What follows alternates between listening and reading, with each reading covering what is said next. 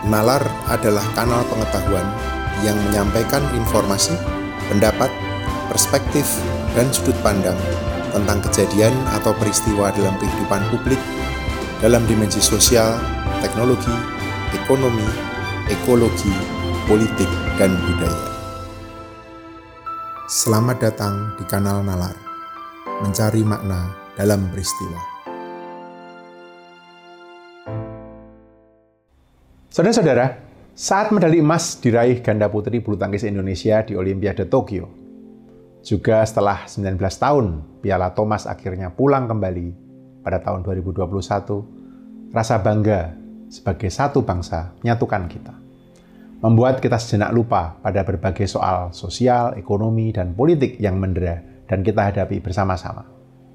Ketika negeri ini dipuji karena berhasil mengendalikan pandemi, kita juga merasa bangga sebagai satu bangsa, meski jelas harus tetap waspada.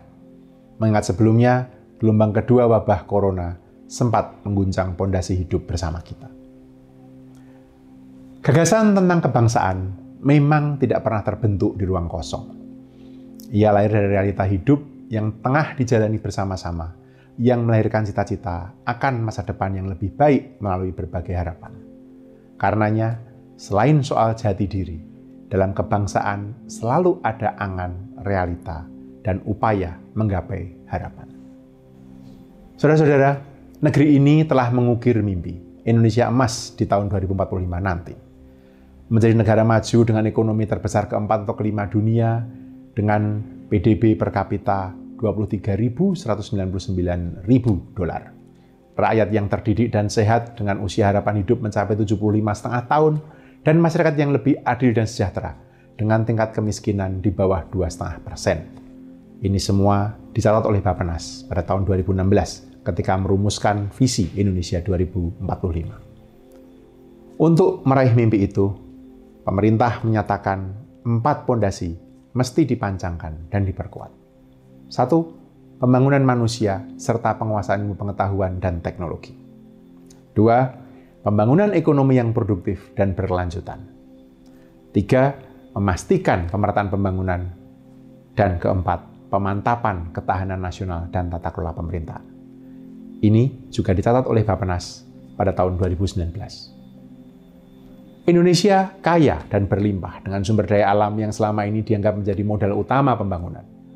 Padahal modal utama membangun diri menjadi bangsa yang besar adalah manusianya. Sejarah peradaban hingga detik ini menunjukkan fakta tak terbantah. Kemajuan dan keadaban bangsa berbanding lurus dengan kualitas manusianya, bukan komoditinya.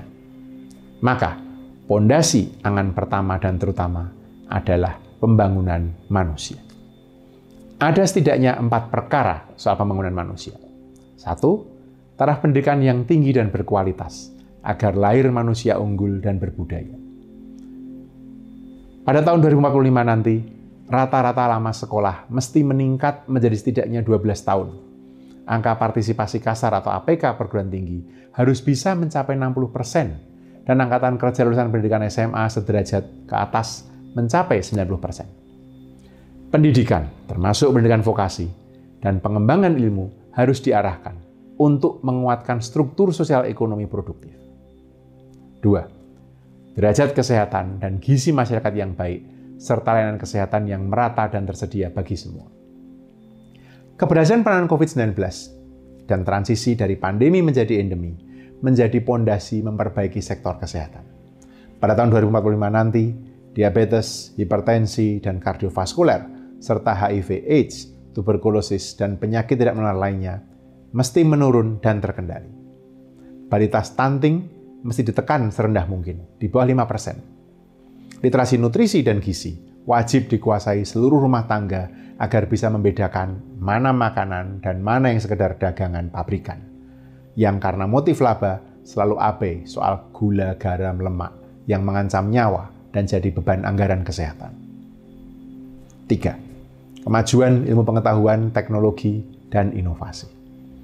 Indonesia maju mensyaratkan ekonomi berbasis pengetahuan dan inovasi.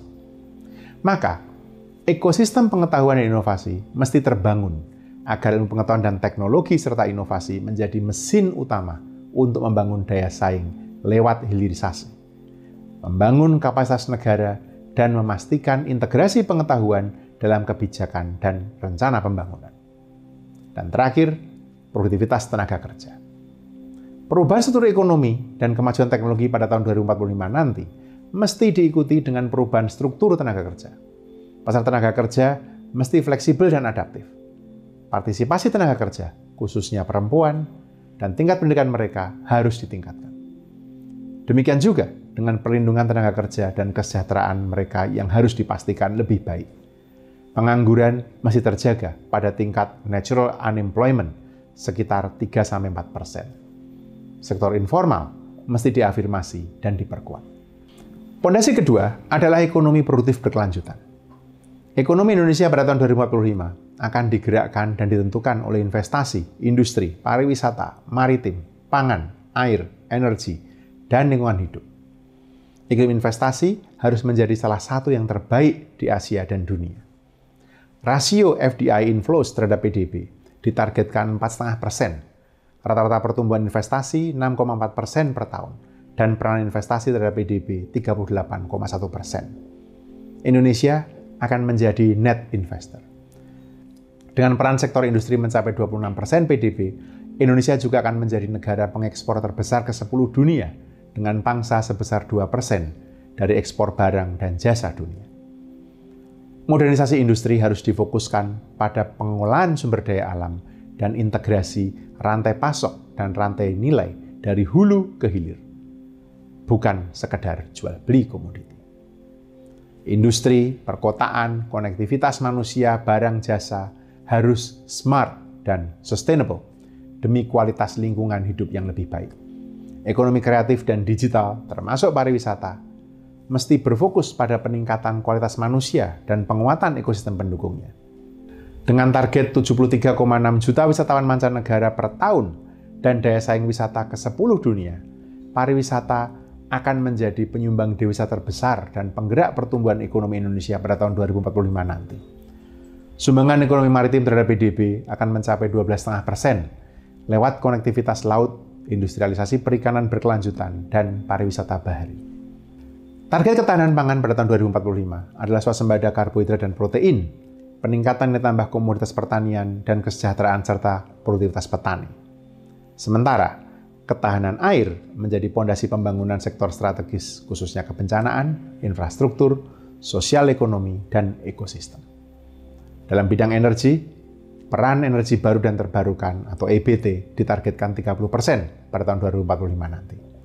Meski rasio elektrifikasi 100% sudah tercapai saat ini, pembangkitan tenaga listrik ditargetkan lebih dari 430 gigawatt dan pasokan energi per kapita 7.000 kWh saat itu. Ini dicapai lewat pengembangan infrastruktur ketenaga listrikan berbasis kepulauan, agar pemenuhan listrik per kapita lebih efektif.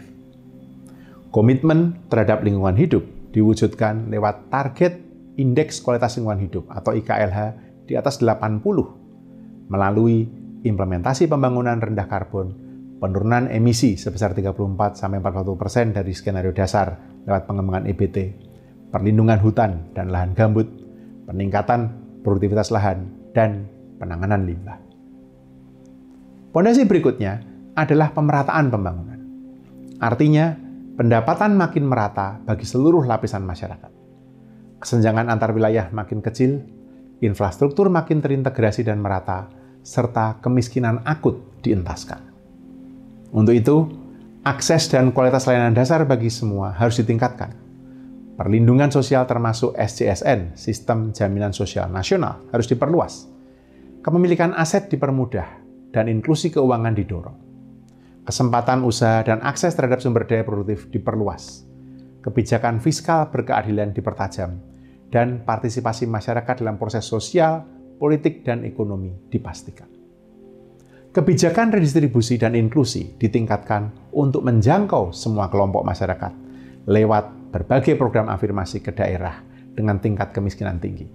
Targetnya, rasio Gini mesti turun ke tingkat ideal, sekitar 0,34 pada tahun 2035, dan kemiskinan akut lenyap pada tahun 2040. Semua target ini juga dinyatakan oleh Bapenas pada tahun 2019. Pemerataan pembangunan daerah harus terus ditingkatkan. Akses masyarakat atas perumahan, air minum, sanitasi, irigasi, serta perlindungan terhadap bencana alam dan dampak perubahan iklim harus dijamin. Luar Jawa dan wilayah timur Indonesia harus tumbuh lebih tinggi dari Jawa dan wilayah barat Indonesia, dengan peran meningkat menjadi 48,2 persen untuk luar Jawa dan 25,1 persen untuk wilayah timur Indonesia. Ini semua dihitung dari perekonomian nasional.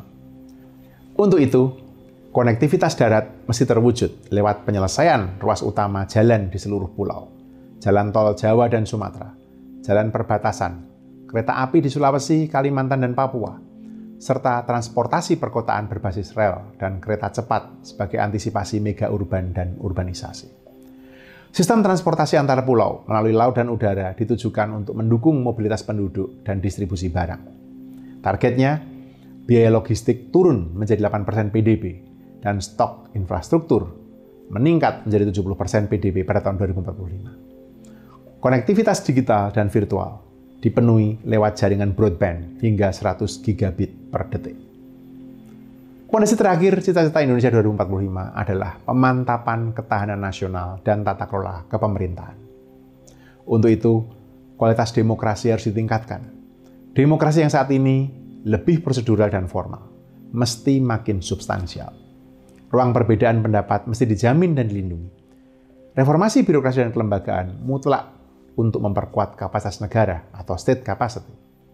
Tata kelola pemerintah harus transparan, efektif, inklusif, dan partisipatif. Sementara birokrasi harus handal, modern, profesional, dan tangkas mengelola perubahan.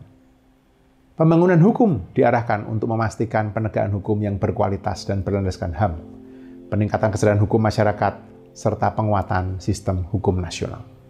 Pada tahun 2045 nanti, hukum warisan kolonial sudah harus diganti seluruhnya oleh hukum nasional.